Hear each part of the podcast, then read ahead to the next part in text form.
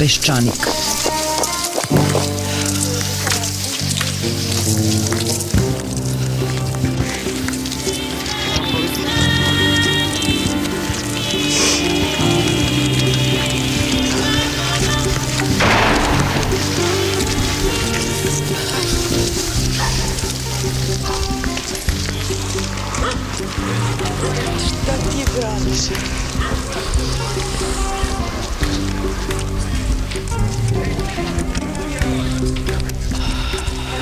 Peščanik.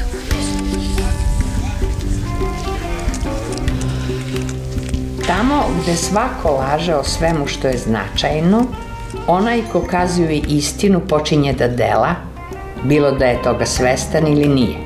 Tako se i on upliče u političku delatnost, jer u slučaju da preživi što nije sigurno, on započinje promenu sveta. Nema dana da nas predsednik vlade ne obaveštava kako cijela svetska zajednica, a i šire, primećuje da svakoga dana u svakom pogledu Srbija sve više i više napreduje. I kako svi oni koji baš to i ne vide, ili su slepi kod očiju, ili što je verovatnije, jednostavno mrze Aleksandra Vučića. I zaista svaki dan neko iz takozvane međunarodne zajednice pozdravlja napore Srbije, ohrabruje započete reforme, snažno podržava već nešto. Jedino nikako da nam odaju priznanje za pravosuđe i slobodu medija. Peščanik je ove nedelje u saradnji sa Savetom za borbu protiv korupcije i uz podršku Organizacije za evropsku bezbednost i saradnju održao okrugli sto pod nazivom Javna tajna o javnom novcu u medijima. Povod za ovaj razgovor je poslednji izveštaj saveta koji se bavio uticajem koje razni nivoj vlasti imaju na medije preko plaćanja usluga oglašavanja, marketinga, sponzorstava i čuvene poslovno-tehničke saradnje. Pored potpredsednika Saveta Miroslava Milićevića i članice Miroslave Milenović, govorili su i Snježana Milivojević, profesorka Fakulteta političkih nauka, Jovanka Matić iz Instituta društvenih nauka i Saša Gajin iz Centra za unapređenje pravnih studija. U današnjem peščaniku slušate najznačajnije delove tog razgovora. Da se podsjetimo da je pre pet godina još usvojena medijska strategija, pre godinu i po dana je usvojen set medijskih zakona. Rezultat toga je da je u istoj godini kada je trebalo da budu implementirani praktično sve, odnosno ja ne znam nikoga ko je imao drugačiji stav, a to je da je stanje u srpskim medijima ozbiljno pogoršeno. Stiče se utisak da nikome ne valjaju medije, osim predsedniku vlade, Međutim, i on je ogorčen, ali zbog drugih razloga. Zanimljivo je da je on koji je naučio politički korektan govor na mnoge teme, jedino kada govori o medijima, podsjeća na svoju mladost, odnosno na vreme kada je bio ministar informisanja. Hoću da kažem da je opšte poznata stvar da su aktualne vlasti nasledile taj ceo jedan mehanizam kontrole medija od prethodnih vlasti i onih prethodnih vlasti, međutim ovde imamo jedan dodatak koji mislim da je jako zabrinjavajući i koji dovodi do poetičnog stepena samocenzure, a to su direktne prozivke imenom i prezimenom novinara, proglašavanja novinara koji imaju primetbe na lik i delo predsednika vlade i sad su to opet neki atributi koji nisu potrebljavani poslednjih 20 godina, to je da narušavaju stabilnost zemlje, ličnu bezbednost predsednika vlade i slične stvari.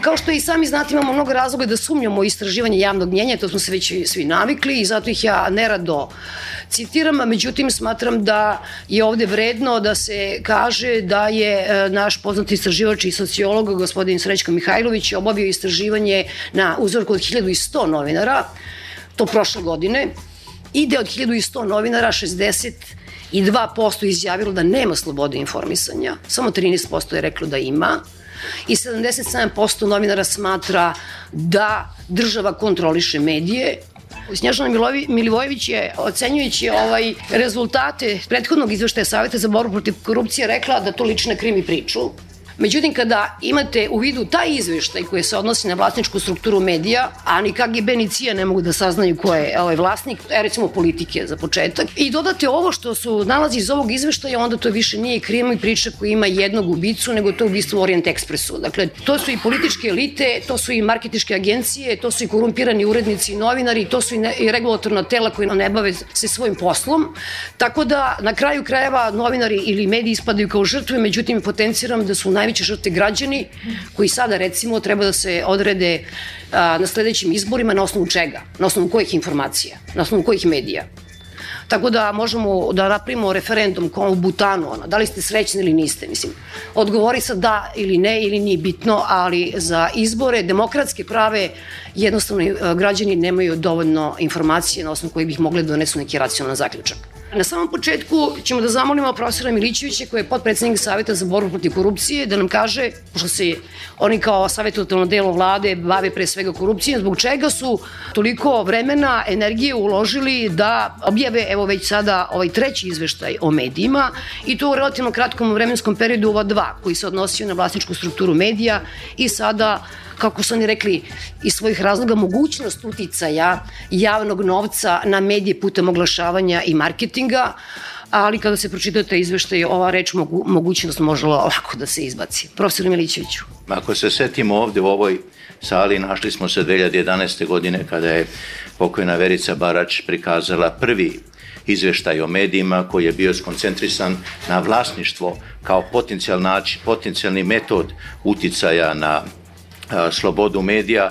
Tada je bilo, ja sam izbroj 14 kamera, bili su glavni urednici mnogih novina, ali posle toga je nastupio jedan muk i posle nekih 72 sata krenuli su napadi na autor izveštaja, umesto da se zamislimo da li je situacija već tada bila zabrinjavajući, da li je trebalo o tome da se govori.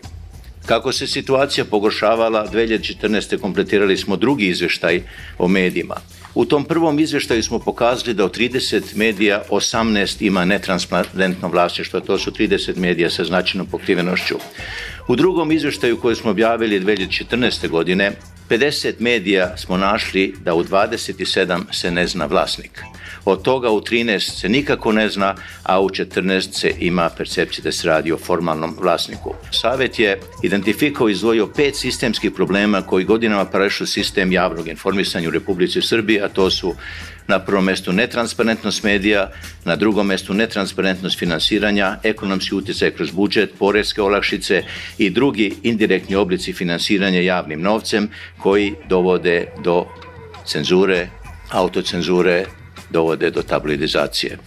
I za treći izveštaj mi smo jasno pokazali da postoje ključni problemi sa finansiranjem i da su oni u četiri oblasti. To je finansiranje medijskih usluga i oglašavanja državnih institucija javnim i drugim preduzećima i društvenom vlasništvu, subvencija i budžetska davanje, finansiranje medijskih projekata i davanje poreskih oglašica kao vid finansiranja. Ta medijska scena je veoma važna jer bez nezavisnog i slobodnog novinarstva nema demokratizacije ni napretka društva, a što je još važnije, to je već pomenuto, ne može se ni govoriti o slobodnim izborima. Ako o tome dodamo jedno nedavno istraživanje koje je pokazalo da ima preko 900.000 funkcionalno nepismenih građana i da više od 90% građana ne može da protumači jedan i ole složeni pravni akt, postavlja se pitanje kakva je ta medijska scena i kakvu vrstu uticaja ona može da izvrši na naše građane.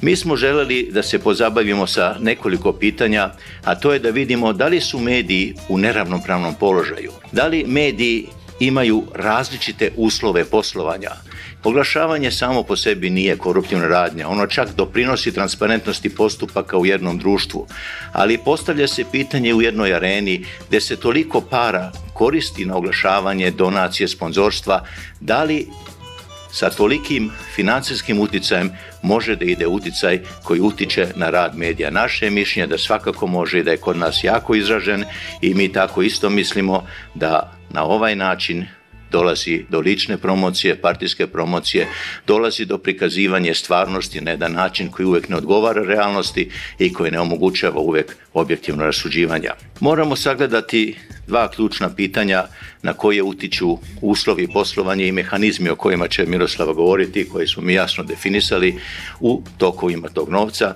a to je cenzura autocenzura i tabloidizacija. Ovo su krajnji rezultati ovih mehanizama gde novinari jednostavno dolaze u situaciju da je egzistencija ključno pitanje. Zašto mi govorimo o cenzuri? Da li ima uticaja ko je vlasnik medija?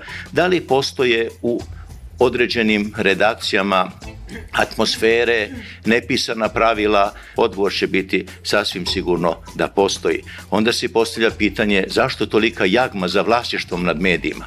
Ako mediji nisu toliko profitabilni koliko neke druge delatnosti, zašto jedan spoj ljudi koji imaju ekonomske poluge vlasti želi da bude vlasnik medija?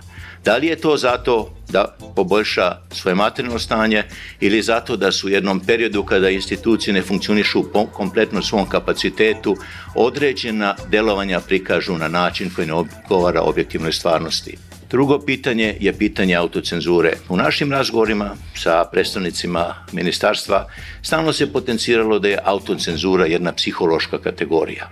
Autocenzura jeste u velikom delu psihološka kategorija, ali u zemlji koja je u ekonomskom kolapsu, autocenzura nije više psihološka kategorija, ona postaje kategorija koja je bitna za egzistenciju.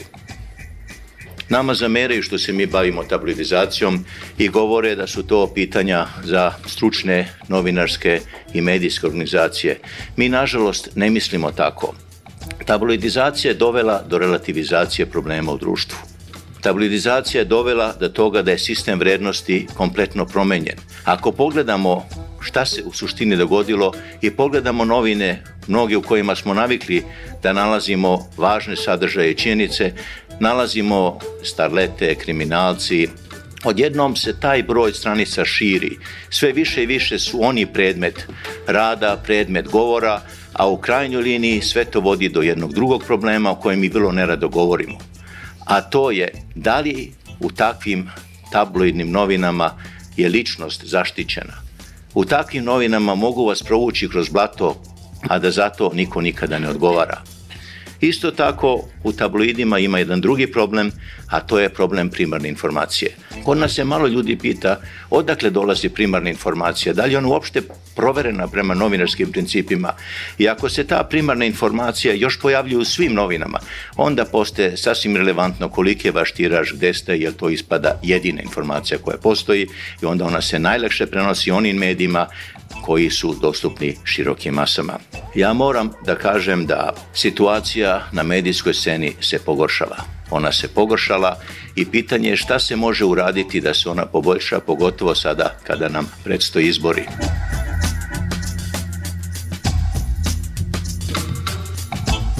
Miroslava, samo se na sekund da se vratim na ovaj prethodni izveštaj gde ste govorili o vlasničkoj strukturi medija. Sasvim je evidentno više da vlasnička struktura nije sama po sebi cilj. Da li ćete vi dobiti neku ronulu zgradu ili 5, 6 ili 15 ljudi na platnom spisku, nego sudeći po načinu na koji se mediji finansiraju, a sudeći, boga mi, po prvim primarima projektnog finansiranja, to je veoma dobar mehanizam da vi izlučite novac iz budžeta. Tačno i u prethodnom izveštaju Savet za borbu protiv korupcije skrenuo pažnju da e, netransparentno vlasništvo predstavlja ozbiljan problem, ali da predstojeća privatizacija i uopšte vlasništvo samo po sebi definitivno e, neće biti sam po sebi cilj, već jedno sredstvo za pre svega korišćenje javnih sredstava i za trošenje javnih sredstava na netransparentan način. Savet je i februara meseca skretao pažnju da najavljena privatizacija neće moći da reši problem u medijima, da je pre svega problem u medijima netransparentno finansiranje i naravno regulativa koja prosto podstiče takav način trošenja. U ovom izveštaju smo pokušali da ukažemo kako se to radi preko oglašavanja, marketinga, najrazličitijih vrsta sponzorstava, donacija i to preko simuliranih javnih nabavki pre svega. Pokazali smo kako i nešto što se reguliše zakonom se izvrgava pre svega ruglu. Posmatrani uzorak saveta je manji od 1% celokupnog javnog sektora. U tom posmatranom našem uzorku za četiri godine na ove usluge potrošeno je 60,9 miliona evra. Sa velikom sigurnošću možemo da kažemo da se radi o minimalnom iznosu, pre svega zato što glavni igrači i akteri nisu želeli da udovolje zahtevu uh, Saveta za borbu protiv korupcije i da dostave informacije. Moram da napomenem ogroban značaj poverenika u ovom izveštaju, pre svega zbog toga što smo bili prinuđeni da preko 50 puta se obratimo povereniku koji nam je pomogao da do određenih informacija od javnog značaja dođemo paradoksalno da to mora da se obraća Savet za borbu protiv korupcije koji je savetodavno telo vlade Republike Srbije. Moram da napomenem da do danas određene informacije i dalje nam nisu dostupne. Pre svega Telekom i Srbija Gas su kažnjeni od strane poverenika sa po 180.000 dinara, međutim i dalje tvrdoglavo odbijaju da dostave bilo kakve informacije. Iz dostupnih informacija, iz finansijskih izveštaja na sajtu Agencije za privredne registre, možemo samo da naslutimo da se radi o milionskim iznosima i to u evrima, ne u dinarima. Imamo još jedno privredno društvo, Informatika AD iz, iz Novog Sada, sa kojom smo još uvek u fazi prepisivanja, jer se dokumentacija dostavlja na kašičicu, dovoljno da ne možemo da tražimo da budu kažnjeni, a opet nedovoljno da bi mogli da kažemo o kom se iznosu radi. Za sada, iz dokumentacije koja nam je dostupna, zasigurno možemo da kažemo da se radi o milionskim iznosima. Imamo i vladu Republike Srbije koja do danas nam nije učinila dostupnim sva svoja trošenja za period 2011-2014. U izveštaju se nalazi iznos od 9,8 miliona dinara. Za sada nam je stiglo još negde oko 13,4 miliona dinara i sa velikom sigurnošću možemo da tvrdimo da toga ima još. Takođe, Ministarstvo spoljnih poslova sa kojima smo u dugotrajnoj prepisci u izveštaju uh, Ministarstva spoljnih poslova govori se o nekih u jednom delu 5,4 miliona da bi decembra meseca posle održanog sastanka i razjašnjenih problema u komunikaciji dobili smo gotovo sve ugovore i sada smo već negde na cifri od 24,8 miliona dinara. Evo ovom prilikom samo saopštavam da se radi o 24,8 miliona koji nisu ušli u ovaj izveštaj od 60,9, ali sa velikom sigurnošću i ovoga puta mogu isto da tvrdim da se ne radi isto tako o celokupnim troškovima koje je Ministarstvo spoljnih poslova utrošilo, jer još uvek traje a, razmimo ilaženje u tome šta je za Srbiju, šta je za ministarstvo, a šta smo mi mislili da treba da se dostavi. Napomenula bih isto i pošte, PTT, koji nam je isto o, kada je objavljen već izveštaj dostavio nove podatke, u stvari u tim podacima za oko 200 miliona dinara ili oko 2 miliona evra zapravo se radi o uslugama donacije i sponzorstava koje nisu ušle u ovaj izveštaj. Zbog toga definitivno ovaj iznos predstavlja minimalni iznos. Mi smo uradili posle toga sa srednjom vrednosti za svaku kategoriju, pomnožili smo sa brojem registrovanih lica u javnom sektoru u Republici Srbiji, uradili ekstrapolaciju i dobili iznos od 840 miliona evra za četiri godine za usluge oglašavanja, marketinga, sponzorstava, donacija i ostalih usluga o kojima smo pisali u ovom izveštaju. Primera ima jako mnogo, ali ono što je za sve primere zajedničko, to je da se simulira konkurentnost, transparentnost i da se procedure izigravaju ruglu.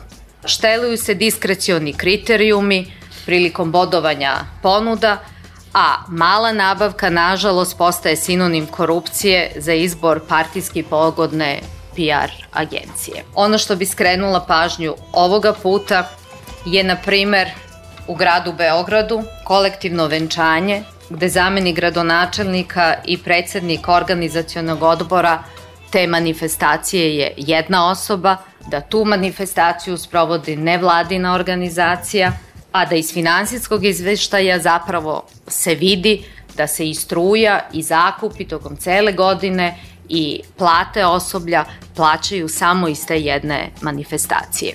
Nema tendera, nema javne nabavke, Agencija za osiguranje i finansiranje iz, izvoza, šampion u tome da dve ponude budu neispravne, da se stalno ponavlja da iste firme ne mogu da zapamte gde treba da stave pečat i gde treba da se potpiše, dok treća dobija i u toj trećoj direktor je gradski menadžer, odnosno gradski menadžer je vlasnik, vlasnik te ovaj, agencije.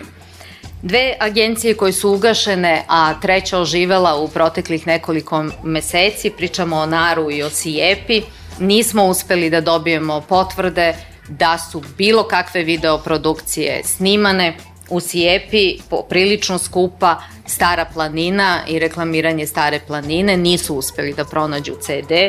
U Naru 1 milion koji je koincidencija 2012. za vreme izborne kampanje bilo zaključeno sa preduzećem koje se bavi posluživanjem pića, ali se radi o, ovaj, o snimanju videoprodukcija. Nažalost nisu uspeli ni taj CD da pronađu.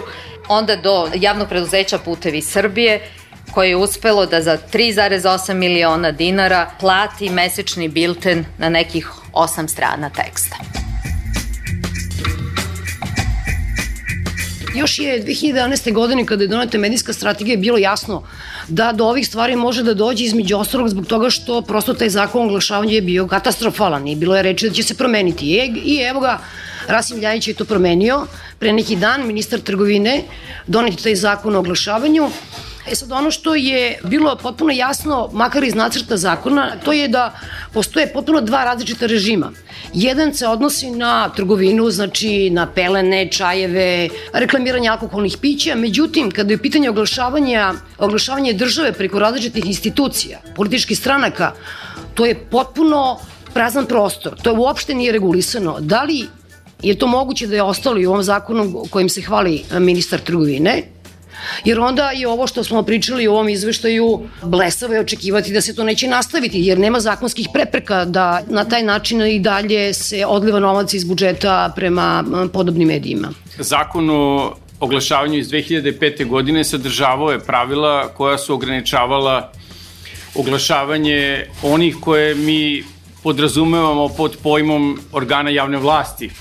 Tih odredbi više nema te odredbe su izmeštene iz zakona i praktično mi sada ne znamo pod kojim uslovima, u kojim slučajevima, koji organ javne vlasti može da se oglašava, pri čemu podsjećam, dakle, u taj organ javne vlasti su smešteni i oni koje zovemo recimo javne ustanove i javna preduzeća.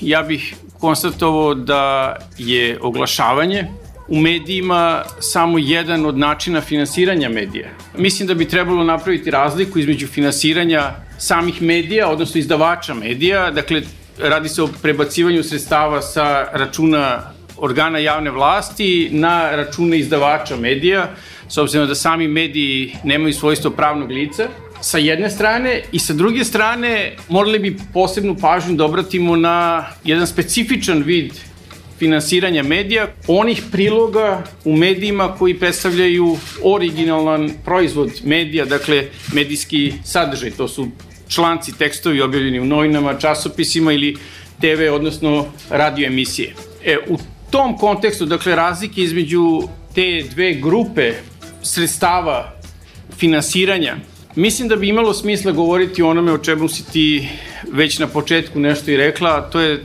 taj dramatičan sukob između normativnog i stvarnog do koga je došlo e, nakon usvajanja medijskih zakona.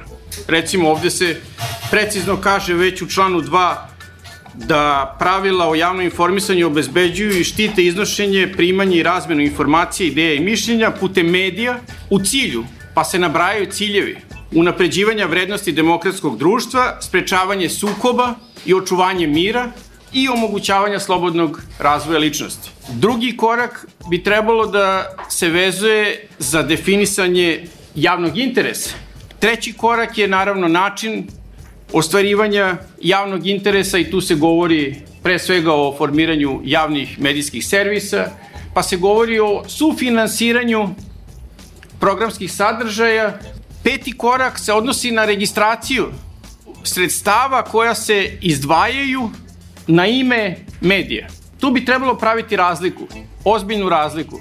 Dakle, zakon o javnom informisanju i medijima podrazumeva dve grupe podataka koje se registruju.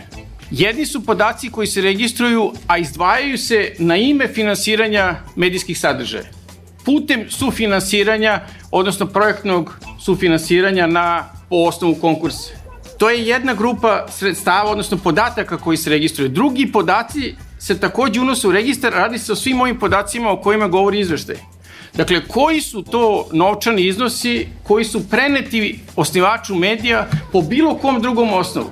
Dakle, šesti korak se vezuje za zabranu drugačijeg finansiranja medija. Dakle, programski sadržaj se ne mogu po samom zakonu, zabranjeno je, sufinansirati ili finansirati na drugačiji način od onoga koji je propisan zakonom.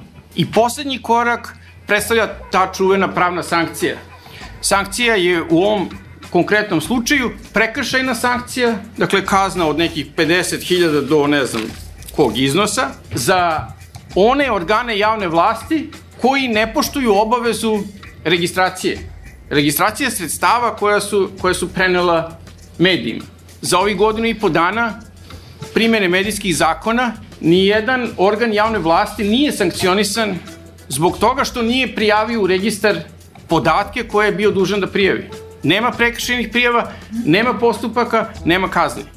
Što se registracije tiče, a svi imamo uvid u uh, registar medija na sajtu APR-a, oni iznosi sredstava koji se prebacuju medijima po osnovu konkursa koje je raspisalo Ministarstvo kulture. Se registruju. Tu i tamo se nađe neki podatak o tome da je određeni novčani iznos prenesen na recimo na ime politike ili već nekog medija, a da to nije učinjeno kroz projektno sufinansiranje o kome sam pričao. Drugi problem koji, o kome mislim da, da je Jovanka više puta pričala javno, odnosi se na ostvarivanje javnog interesa putem javnih medijskih servisa, što takođe moramo da shvatimo kao način finansiranja programskih sadržaja iz javnih sredstava.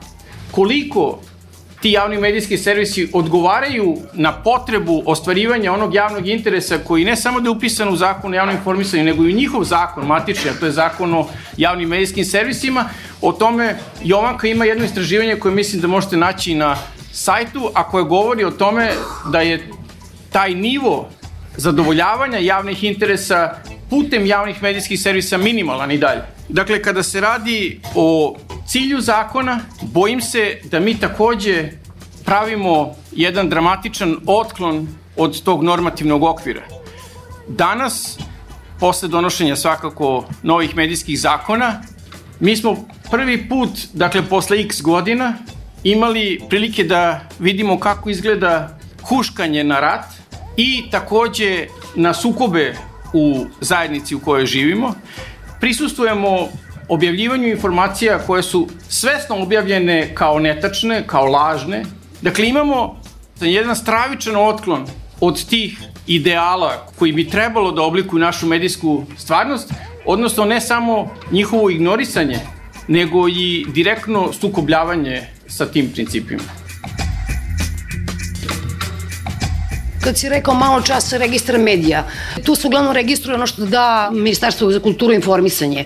Podsećam na jedne, eh, jedan od nalaza izveštaja saveta, mislim da je ovaj prethodni, gde se govori da neki mediji dobijaju sredstva preko Ministarstva za Kosovo i Metohiju. Vulin je davao strašno mnogo novca na Kosovo nekim medijima za koje nikad nikad nije čuo i to milionske iznose. Ja sam htela sad da zamolim uh, Jovanka vas, mi kažete šta ste vi iščitali iz ovog izveštaja i jednu stvar na koju, na koju se svi ljute kada je pominjam, a mislim da vi ste jedini, nećete da se ljutiti na mene, a to je da što bi rekao ministar Dinkić kada je govorio o malverizacijama, on je to zvao netipično kruženje novca. E sad mene zanima u tom netipičnom kruženju novca između države i marketičkih agencija i medija da se kao loši momci i najgori s razlogom uzimaju predstavnici države ili političari, onda ove pirane koje rade uh, u fiktivnim ili pravim marketičkim agencijama i nekako da postoji čak, ja bih rekla, pokroviteljski odnos prema novinarima ili medijima, eto, oni moraju da prežive, oni su žrtve, mada je jasno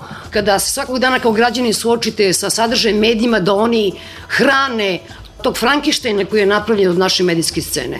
Ja sam bila veoma obradovana kada se pojavio onaj prvi prvi izveštaj uh, Saveta za borbu protiv korupcije, zato što je on bio zaista revolucionaran jer je podigao jedan poklopac te mračne tajne vlasničko-finansijskih odnosa u našem medijskom sistemu. Već tada se videlo da je finansiranje u stvari najnetransparentniji aspekt medijskog sistema, da je on najmanje regulisan, da je to jedna, ako ne najčuvanija tajna, onda recimo svakako jedna od uh, najteže pristupačnih i da imamo najmanje istraživanja o finansiranju medija. Znači, iz svih ovih razloga bilo kakve informacije o finansiranju medija su dobrodošle, a rekla bih da ovaj novi izveštaj Saveta za borbu protiv korupcije ne samo da je dobrodošao, nego nam otkriva da ta crna kutija medijskog finansiranja je veoma složena, ima veoma mnogo pregrada i da u njoj obitavaju jako veliki broj aktera u vrlo raznovrsnim simbiotskim i parazitskim međusobnim odnosima. Ono što mi je prvo pokazao ovaj izveštaj jeste da zakonska regulativa finansiranja medija a posebno finansiranje medija iz javnih izvora skoro da uopšte ne postoji.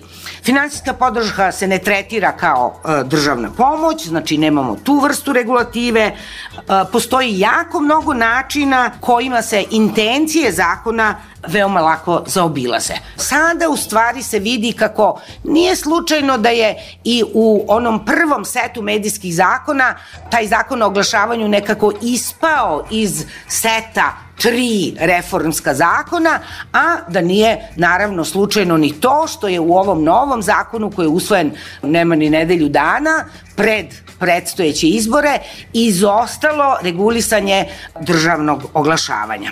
U našem ekonomskom sistemu to da li ćete dobiti nekakav reklamni ugovor ili nećete može da se izjednači sa dilemom opstati ili potonuti i ovaj kanal se veoma lako koristi za politički pritisak na, na medije. Druga stvar koju mislim da je izveštaj pokazao je da postoji ta veoma razgranata mreža kanala toka javnog novca, a da njihovu realizaciju, a još manje racionalnost i efikasnost, niko ne kontroliše.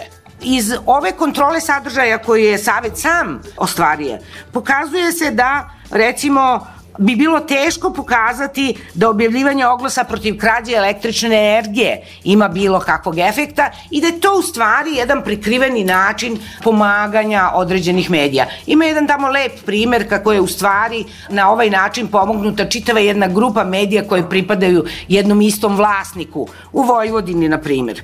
Ali u stvari sa stanovišta javnog interesa ono što je najproblematičnije jeste to da se javni novac troši za stvaranje pozitivne slike o radu državnih organa i javnih preduzeća, u krajnjem slučaju političkih struktura koji iza njih stoje.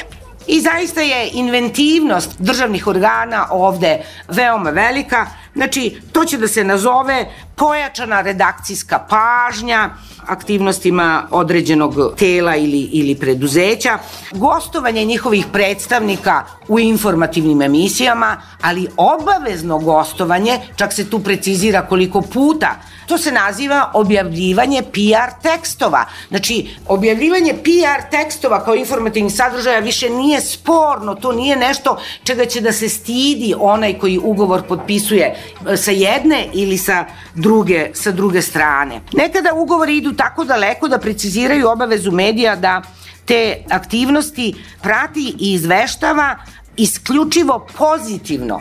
Ovo nije ni malo različito od onoga što je naša država u stvari uvek radila a ona je koristila subvencije da u državnim medijima promoviše sadržaje koje afirmišu vladajuće strukture. Mnoštvo ovih primjera pokazuje zasnovanost upozorenja da učesnici tranzicije veoma često podcenjuju sposobnost autoritarizma za strukturalnu i funkcionalnu mimikriju. Ovo je jedno upozorenje napravljeno još pre 20 godina od jednog čoveka koji potiče iz Belorusije. On je govorio o totalitarizmu znači o sposobnosti totalitarizma za mimikriju. Mi ne moramo govoriti o totalitarizmu, možemo govoriti o autoritarizmu, ali ovde je u stvari srce našeg problema, taj autoritarni sindrom, čije simptome nam pokazuje ovaj izveštaj. Kao treću stvar, izveštaj je pokazao da gotovo da nema vodećeg medija koji nije sklopio neku od tih navedenih vrsta ugovora koja od medija zahteva da se ponaša propagandno u odnosu na financijera. Time se pokazuje da su u stvari mediji strukturno zavisni od takve vrste ugovora. Oni su zavisni od državnog novca. Nije to stvar slobode izbora. Znači, oni moraju takvim sredstvima da se, da se koriste i da pristaju na takve ugovore, iako to duboko problematizuje njihov integritet jer taj proces restrukturiranja medija nije uspeo da stvori stabilnu ekonomsku osnovu za razvoj medija. Tržište nije glavni faktor koji određuje sudbinu medija, niti je profit glavni benefit vlasnika i finansijera medija. U sistemu u kome je profit mali ili nepostojeći, neka druga vrsta koristi nadoknađuje taj ekonomski gubitak koji trpe medijski vlasnici i finansijeri.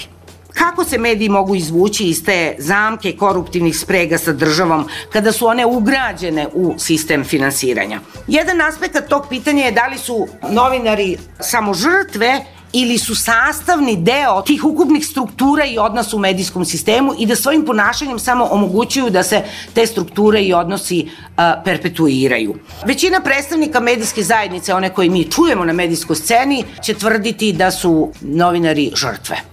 Ali, razna istraživanja pokazuju da kod novinara postoji svest da oni nose i deo krivice. Znači, mnogi od njih će reći da Ipak mi nismo kao profesija uspeli da se dovoljno samoorganizujemo, dovoljno odbranimo svoju profesionalnu ideologiju. Zaključak koji iz ovoga treba izvesti da kada u ovim simbiotičkim odnosima gde se naprave ugovori koji možda idu kratkoročno u korist medija, strada publika, strada novinarstvo kao profesija i verovanje u njen smisao i stradaju demokratski procesi, a o tome smo ovde govorili. Upravo zbog toga treba shvatiti da reforma medijskog sistema nije pitanje samo novinara. To je suviše ozbiljno pitanje da bi ga prepustili samo novinarima i medijima. To je pitanje koje se tiče razvoja demokratije u ovoj zemlji i pitanje koje treba da intrigira sve ljude koji su zabrinuti za stanje demokratije u Srbiji. Snježana, na osnovu ovoga što si mogla da pročitaš u ovom izveštaju, kakav bi se zaključak mogu izvesti o toj vezi države, tržišta i medija? S jedne strane, s druge strane, da li mi sada dolazimo u situaciju da sada ćemo tim istim novcem koji smo nekada finansirali državne medije, finansirati u stvari privatne medije. Ovaj izveštaj govori o ekonomskoj osnovi medijske slobode u Srbiji.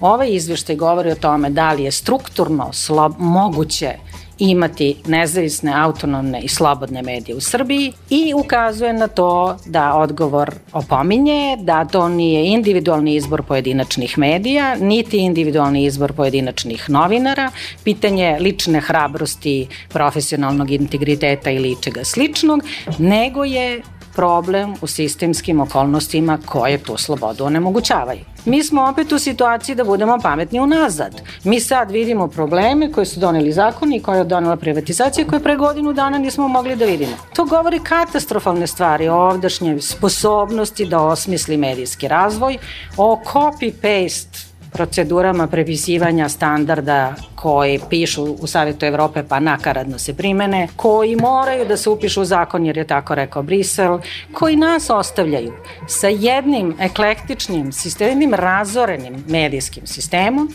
četvrt veka se ovde udruženim naporima pokušava da se izgradi sistem za koji očigledno nema ekonomske osnove. Dakle, ono što sam ja prvo videla u izveštaju je pitanje ko je glavni finansijar naših medija. Šta država javnim novcem finansira u medijskom svetu? U kojoj proporciji država stoji sa nezavisnim izvorima finansiranja ili komercijalnim izvorima finansiranja koji bi trebalo da su osnova u demokratskom svetu, odnosno u demokratskom medijskom poredku koji se zasniva ili funkcioniše na slobodnom tržištu. Ne da nema slobodnih medija, nego da nema slobodnog tržišta na kojima oni mogu da se pojave. I sad, ako je tačna računica saveta, a mi ovde sedimo verujući da je ona tačna, država je samo u oblasti u najširim smislu marketinga i oglašavanja u poslednje četiri godine ovdašnje medije finansirala sa 840 miliona evra, znači sa oko 200-210 miliona evra godišnje. Prošle godine, koliko sam ja videla, to nisu takođe javni podaci, tržište oglašavanja u Srbiji, dakle komercijalno tržište oglašavanja je bilo oko 160 miliona evra. I sad vi vidite, ako država u medije ubacuje 200 miliona evra, a tržište u medije ubacuje 160 miliona evra, nešto sa tom idejom o tome da mediji žive komercijalno i slobodno na tržištu nije u redu. Možda taj iznos nije u potpunosti takav, ali evropska istraživanja kažu da sa 20%, 25% javnog novca već postoji razlog za zabrinutost ili za razgovor o tome kakva je uloga države ili javnog novca u medijima. Ako je istina da se u Srbiji taj odnos približava 50-50, ja mislim, meni to zvuči fantastično, ali nema načina da mi to sad baš tačno proverimo, ali proporcije na to upućuju i pogotovo što se u oblasti javnog finansiranja medija obično računa i novac koji generišu javni servisi, zato što je to takođe oblik javnog finansiranja, sad je čak i zvanično postao taksa. I mi onda vidimo da je najveći finansijer medija u Srbiji država i da su posledice tog finansiranja u stvari državno delo. Ja sam takođe velika braniteljka javnog novca u finansiranju medija. U svim savremenim medijskim teorijama nema spora o tome da su informativni mediji i novinarstvo javno dobro zato što odbacuju dobrobit za većinu društva ili za čitavo društvo, a ne samo za one koji dobro kupuju ili ga potražuju i zato što mediji imaju specifičan ustavni položaj jer proizvodeći nešto što servisira čitavo društvo omogućavaju da demokratija funkcioniše. Zbog toga što savremena istraživanja govore da tržište nikad, kako se to obično kaže, jeli, ne proizvodi onoliko informacija koji, koliko demokratiji treba, u svim demokratskim državama je velika uloga javnog finansiranja medija. Ali takođe sve te države imaju vrlo izgrađen sistem kontrole i načina funkcionisanja a, tog a, finansiranja. Sve skandinavske zemlje koje imaju najviši stepen direktnih i indirektnih subvencija za medije iz državnog novca su takođe države koje su najviše uvek u prvih pet mesta na svim indeksima slobode štampe. Dakle, tamo to nije problem. Kod nas to jeste problem. Ono što mi iz ovog izveštaja vidimo, da mi nismo uspeli da izgradimo sistem u kome finansiranje javnim novcem naročito nakon privatizacije medija, nije nas građane ostavilo sa situacijom u kojoj se država povukla iz vlasništva, pa umesto javne sada finansira privatne medije i od toga imaju dobrobit njihovi vlasnici, ali ne mi kao građanke i građani. Druga stvar koju ovaj izveštaj pokazuje govori o tome ko su dobitnici jeli, tog medijskog novca. Kome ide taj novac, pod kojim uslovima i s kojim razlogom. Dosta smo danas čuli o tome, tu vam preporučujem da pročitate izveštaj. Stvarno se uh, uzdržavam od toga da navodim primere. To je jedan gusti tekst u kome defiluju članovi porodice, rođaci, povezana društva, uh, istrošeni političari, budući političari, partijski prijatelji, nekompetentne organizacije koje se bave onim za šta nisu nadležne, mediji koji prodaju kupuju, trguju u stvari uticajem i bez obzira na to čime trguju. Tako da taj deo izveštaja u stvari je možda i najbliže onome što je savet, na što je savet želeo da signalizira, da postoji čitav niz veoma kreativnih načina na koje se izbegava poštovanje procedura, dakle čak i kada one postoje. I konačno treća grupa ili treći važan a, nalaz iz a, izveštaja saveta je a, sa čime to nas kao građane i građanke ostavlja. Sve ono što istraživanja koje su ovde pomenuta po zemljama uh, tranzicije uh, upozoravaju da u trenutku kada se država povuče iz vlasništva, to ni na koji način ne znači da se ona povukla iz uticaja. Država je pokazala, pre svega, da je sasvim našla odgovarajuće načine da kontroliše javni novac u meri u kojoj on, on ide u javne medije. I vi to vidite nažalost u programskom sadržaju. Država ovde nema problem sa javnim medijima, toliko ili vlast da bolje kažem. Toliko nema problem da više, da čak može i da ih ignoriše, oni znaju šta treba da rade, jel? Sa druge strane, ovo komercijalni izvor novca za medije je pokazao takođe da je veoma tipičan način u tranziciji da se između kupaca oglasnog prostora i prodavaca oglasnog prostora umetnu institucije koje trguju oglasnim prostorom. Te institucije, ti medijski kupci medijskog prostora, jeli, su sa druge strane visoko koncentrisani. I to se i u izveštaju saveta vidi, a i to je opšte mesto našeg me, poznavanja medija, da su prodavci, trgovci i posrednici između medija i oglašivača, jedna visoko koncentrisana med industrija ili jedan deo medijske industrije, koji je u vrlo bliskim vezama takođe, što personalno, što institucionalno, što politički, jel, povezan sa političkim elitama. Na taj način država takođe dolazi u mogućnost da kontroliše i tokove tog novca. I kad tako razložite, vi vidite da država ima instrumente da kontroliše javni novac, da sa druge strane komercijalni izvori prihoda, oblast oglašavanja, nema uslova da funkcioniše samostalno zbog te visoke koncentracije. E, ja stalno u Evropi čujem pitanje od naših kolega istraživača iz razvijenih zemalja kako je moguće da multinacionalne velike kompanije ne mogu da probiju taj blok. Zašto Coca-Cola ne može, koja je veoma moćna i negde se nosi sa, sa državama po drugim zemljama, ovde ne može da barata svojim novcem, nego mora da ide kroz kanale koji obezbeđuju strukturno da se kontrola nad tim tokovima novca obezbedi. Znači, to je cena koncentracije u industriji oglašavanja. Ta vrsta kontrole nad novcem koji dolazi od nezavisnih oglašivača. Dakle, šta treći eventualni izvor medijske slobode ili nezavisnosti bi bio neki samostalni novac, neki donatorski ili neki novac koji ovde nije pod kontrolom i možda je to razlog, jeli, teme koja se trenutno posle puno godina ponovo otvorila zašto strani novac, zašto donacije, zašto investicije. Ajmo mi da sad sredimo transparentnost na tom a, malom parčetu. Videli smo re neki dan je objavljeno da je to vrlo, da su to relativno mali iznosi, ali čak i tako mali iznosi govore o tome da jedine institucije koje se ovde bavi istraživačkim novinarstvom su one koje funkcionišu na tom novcu. Da niko od ovih medija koji eto imaju stabilan, povlašćen ovakav položaj, jeli, imaju pristup državnom novcu, imaju mogućnost da dođu do razne vrste resursa, nema velike istraživačke Evo, novinarska zajednica, kada smo mi poslednji put videli neko veliko medijsko otkriće ili ka, sem tih fiktivnih napade na narod i državu. Jel? Kad smo mi poslednji put videli neki zaista produkt istraživačkog rada u tradicionalnim medijima koji imaju te stabilne resurse i mogućnosti da se time bave.